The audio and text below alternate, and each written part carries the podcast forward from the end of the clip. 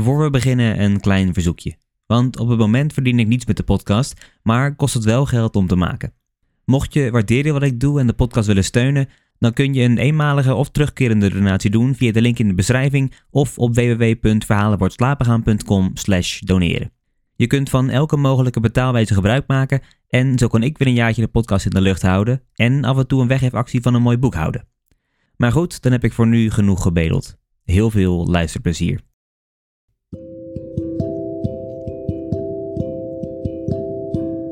Hallo allemaal en welkom. Mijn naam is Mike en in deze aflevering leest Brechtje Hofstede voor uit Oersoep van Brechtje Hofstede. Dit is Verhalen voor het slapen gaan.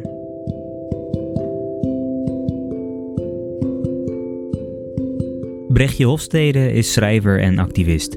Ze studeerde kunstgeschiedenis en Frans in Utrecht, Parijs en Berlijn. Ze debuteerde in 2014 met De Hemel boven Parijs, dat onder andere genomineerd werd voor de Libris Literatuurprijs en de Anton Wachterprijs. Haar tweede roman, Drift, werd ook genomineerd voor de Libris Literatuurprijs. Ze is medeoprichter van feministisch platform De Bovengrondse en van Stichting Nationaal Heksenmonument. En ze is aangesloten bij Extinction Rebellion. In deze aflevering gaan we luisteren naar haar nieuwste roman, Oersoep, waarin iemand tijdens haar bevalling zodanig buiten de werkelijkheid valt dat ze langs allerlei wegen weer haar weg terug moet zien te vinden.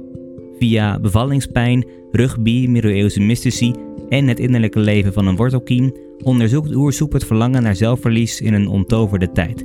Het is een lyrische leeservaring die soms meer weggeeft van een trip dan een roman. En in deze aflevering gaan we het voor het eerst een keertje helemaal anders doen. Ik ga namelijk niet voorlezen, maar Brechtje Hofstede zelf. We gaan luisteren naar een fragment uit het audioboek, dat sinds vandaag via alle platforms te beluisteren is. Ik wil dan ook zowel Brechtje Hofstede als uitgeverij Das Mag heel erg bedanken voor de toestemming om een stuk te laten horen. Maar goed, dan zal ik nu verder mijn mond houden en de schrijver aan het woord laten. Dit is Oersoep van Brechtje Hofstede.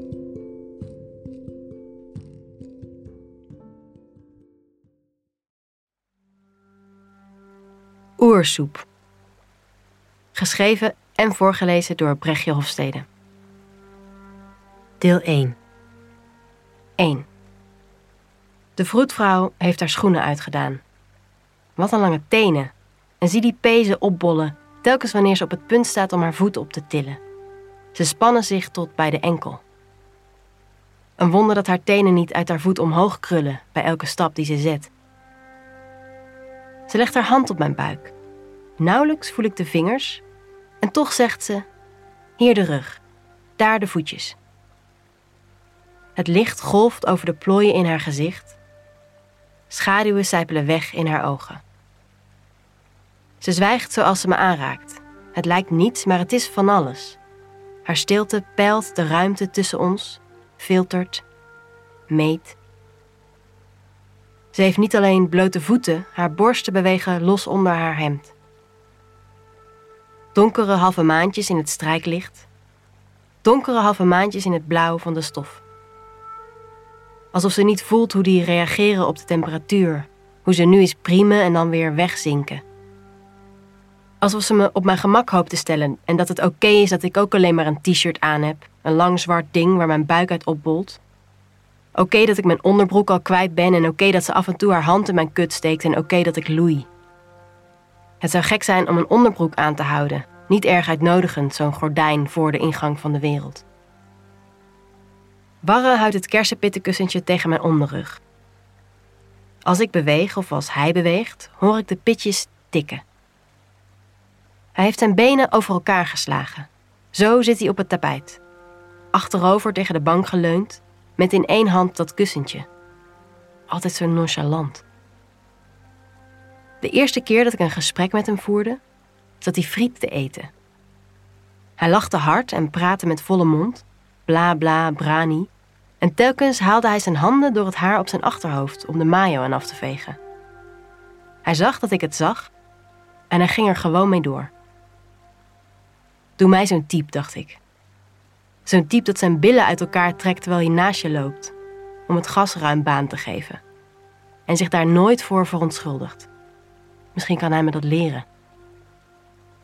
Veel geholpen heeft het niet, dat blijkt maar. Ik moet nog steeds uren creperen voor ik een kringspier ontspan. En dan nog zeg ik intussen heel vriendelijk dank je en sorry. Of ik iets wil drinken, vraagt de voetvrouw. Ja, dank je. Blote voeten, ondanks de tegelvloer. Alsof ze me op mijn gemak wil stellen, zoals interviewers doen. Je eerst een klein maar oprecht kruimeltje voeren van henzelf en dan, als je daarop ingaat en je ook iets persoonlijks vertelt, dan lokken ze tevoorschijn wat je niet van plan was los te laten. In Japan deden ze dat ook, de blote voeten. Je kwam een theezaak binnen of een restaurant en bij de deur moesten je schoenen uit, zodat je op je witte sokken, waar de vorm van je voet al duidelijk in afgetekend stond, want bij de drukpunten had het zwarte schoenleer afgegeven, op je sokken verder moest en met elke pas een zichtbare voetstap achterliet. Wasemend vocht dat verborgen hoorde te blijven ineens blootgelegd. Kwetsbaar en getemd liep je naar je tafeltje.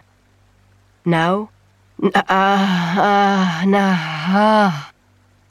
Nou, daar moeten ze nou niet mee aankomen. Dit keer laat het zich niet temmen. Waarom loopt hij nou weg? Waarom was hij toen niet bij me, alsof hij niet wist dat ik hem nodig had? Niemand keek me aan. Niemand zocht mijn blik of sprak met me.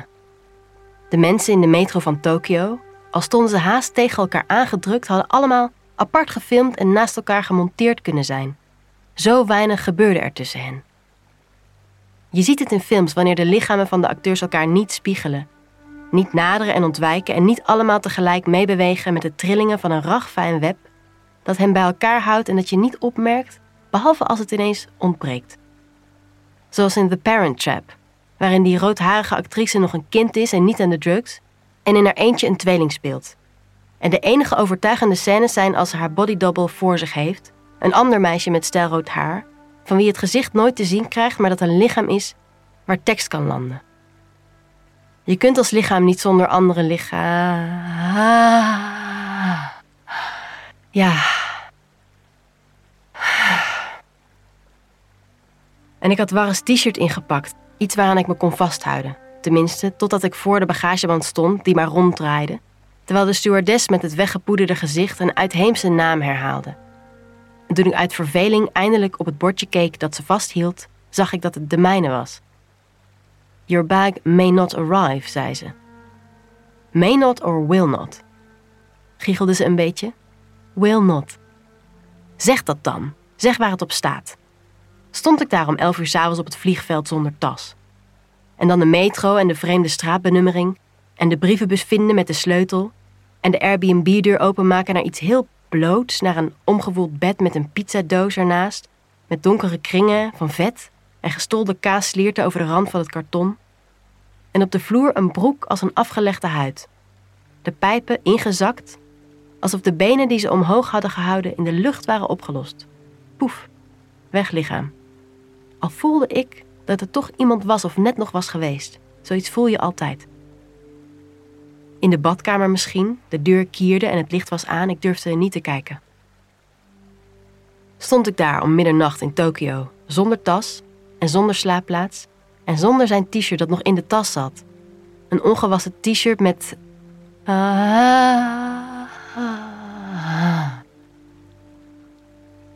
ja, het gaat.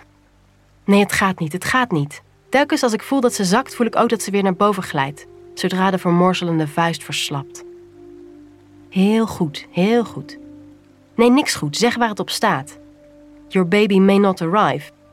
Your baby is nog niet eens ingedaald. Het probleem als je niemand kunt aanraken is dat je zelf ook niet meer aan jezelf komt. Dat je stilvalt en verstijft. Je zou denken dat ze bij de helpdesk van een vliegveld Engels spreken. Maar nee, geen woord. Zodat ik na een paar keer proberen mijn telefoon in de handen drukte van de portier van het hotel om hem te laten vragen naar mijn tas. Hij moest cijfers intoetsen, een boekingscode en hij trok zijn witte handschoenen uit om het te doen. En toen hij klaar was, deed hij die weer aan en pakte hij een tissue en veegde hij zijn vingertoppen van het scherm voor hij me de telefoon teruggaf met twee handen, met die witte handschoenen. Ik kreeg niet eens zijn vingerafdruk. Nee, niet loslaten. Ik moet handen voelen. Huid. Je valt stil en je verstijft omdat het circuit is onderbroken en de stroom niet meer stroomt, nergens heen kan en stagneert. De eerste keer dat ik zijn huid mocht aanraken. Zijn hals en zijn borst en het lange trog van zijn ruggengraat, vol met moedervlekken. Rode vlekjes, kleine, donkere, grote, platte, kastanjebruine. Grote die op de huid liggen en die je met een vingertop heen en weer kunt duwen. Die maar met een puntje vastzitten. Alsof het druppels zijn die van grote hoogte zijn gevallen en uit zijn huid terug omhoog springen. Terwijl anderen juist bezig zijn erin te verzinken. Maar het moment waarop je kijkt duurt zo lang dat je hun opspatten niet ziet gebeuren. Het moment is uitgestrekt en welft zich en gaat rond en rond, zodat je nooit het einde ervan bereikt. Steeds verder gingen mijn vingers en zo lichtjes dat het leek alsof ik boven zijn huid zweefde en niet de korrel ervan voelde, alleen de warmte zelf. Wil je dit alsjeblieft voor altijd doen, dankjewel, zei hij de eerste keer. En ik lachte eerst en daarna huilde ik. Omdat er misschien geen einde zit aan een huid die altijd weer op zichzelf uitkomt, maar wel aan de aanraking ervan. De eerste keer dat iemand me aanraakte in Japan was op de boot richting dat mistige eiland. Ik stond op de boeg te kijken en die man ook. De plooi van zijn jas schampte de mijne en het trok een rilling over mijn rug. Alsof mijn kleren mijn voelsprieten waren geworden en ik de wereld voortaan zo aftastte. Zeeziek word ik hiervan. Het klotst en golft maar. Zulke hoge golven heb ik nog nooit meegemaakt. Oh, daar komt er een. Uh, alsof. Alsof, alsof de oceaan mijn ingewanden meesleurt in het springtij. De Atlantische Oceaan, niet de stille. Opstaan, zeggen ze. Opstaan en lopen. Lopen op dat schilletje. De zwaartekracht het werk laten doen. Op je benen blijven, zodat ze eindelijk indaalt. Rond de bank, rond de kaalgeslagen bank, langs de zwarte muil van de open haard. Met je ogen dicht lijkt die gigantisch, deze kamer. Absoluut oceanisch, of eigenlijk kosmisch groot, deze kamer. Met mijn ogen dicht voel ik de muren niet eens meer. Je voelt altijd de muren van een kamer, ook met je ogen dicht, ook achter je rug. Maar nu voel ik geen muren. Als ik kijk, ja, daar, die metersdikke ineengedoken massa van steen om me heen, maar met mijn ogen dicht. Een veel grotere ruimte. Ik voel het met mijn rug. Het is alsof daar vanuit de allerfijnste draadjes lopen. Ragfijne, zwermende, zwiepende sprieten die rondzweven, die door de lucht en dwars door de dingen zwieren, zo licht en wendbaar dat ze door atomische kieren reiken, zich fladderend meebuigen, trillen met het trillen van een magnetisch of elektrisch veld, de tremorvogel die daar op nanometergrote en vissenvlucht doorheen schiet. Draadjes die als de strengen van het allerfijnste wier meedrijven op een onbevattelijke stroming en zich niets aantrekken van pijn. Jezus, God Allemachtig, pijn wat ik allemaal wel niet zo genoemd heb. Splinters, blauwe plekken, een gebroken vinger. Werd het enige wat er een beetje bij in de buurt kwam, die brede, zware, vochtige rot is waarmee het bloed zich aankondigt. Dat gevoel rond je middel, op je flanken en op je rug te desintegreren en van je eigen steeltjes te breken als een tot donkere gelei verworden vrucht. Een overrijpe vrucht, ja, die klodderig en klevend naar buiten drupt. Een pruim, te lang vergeten in het voorzakje van je tas, en dat het sap door de plooien naar buiten komt. Maar dit dus, dit gevoel van lichtheid en ruimte, dat zich uit mijn rug tevoorschijn vouwt, dit trekt zich er niets van aan en wordt er niet door gehinderd dat ik steeds opnieuw word stuk geknepen door mijn eigen lijf. Nee, dit stroomt en ribbelt, onbelemmerd, jubelend, jubelend. Misschien kom ik nooit terug. Misschien blijf ik hier in mijn lichaam dat alles omvat: de woonkamer, het huis, het dorp, het onweer, de hemel. En kom ik nooit meer terug.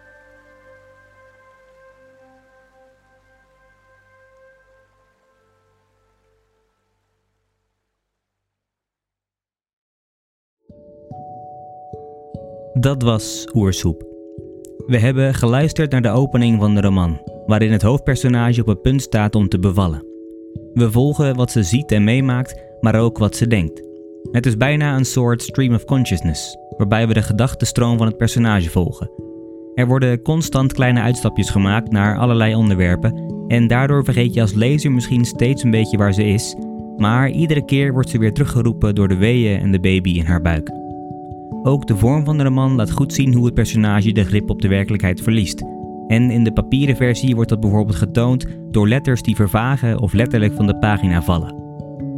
Oersoep is dus soms echt meer een fysieke en trippy leeservaring dan een roman, vooral in het begin.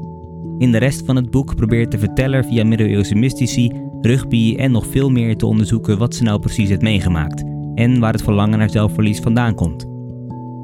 Maar goed, tot zover Oersoep. Mocht je nieuwsgierig zijn geworden, dan raad ik je aan om naar je dichtstbijzijnde boekhandel te chasen of het boek te beluisteren. Want vanaf vandaag kan dat dus overal. Het was deze aflevering dus ook de eerste keer dat de auteur zelf voor heeft gelezen en ik ben heel benieuwd wat jullie ervan vonden. En of jullie zoiets vaker zouden willen. Ik kan niets beloven, maar natuurlijk altijd mijn best doen. Mocht je luisteren via Spotify, dan zou ik het heel fijn vinden om via de QA in de beschrijving je feedback te ontvangen. Voor ik afsluit nog één dingetje. Het luisteren van de podcast is gratis, maar het maken is dat niet. Natuurlijk vind ik het hartstikke leuk om te doen, maar mocht je de podcast willen steunen, dan kan dat door je op de podcast te abonneren. Je krijgt dan toegang tot alle afleveringen, luisterboeken en giveaways. Je kunt ook altijd een losse donatie doen. Alle links staan in de beschrijving. Je kunt je waardering voor de podcast natuurlijk ook uiten door een positieve beoordeling achter te laten of door hem met anderen te delen. Dat helpt me enorm. Ik wil jullie hartstikke bedanken voor het luisteren naar deze podcast. Voor achter de schermen, updates, vragen of opmerkingen kun je me vinden op social media onder de naam Verhalen wordt slapen gaan. En dan zie, slash hoor ik jullie volgende keer. Voor nu, goede nacht, slaap zacht.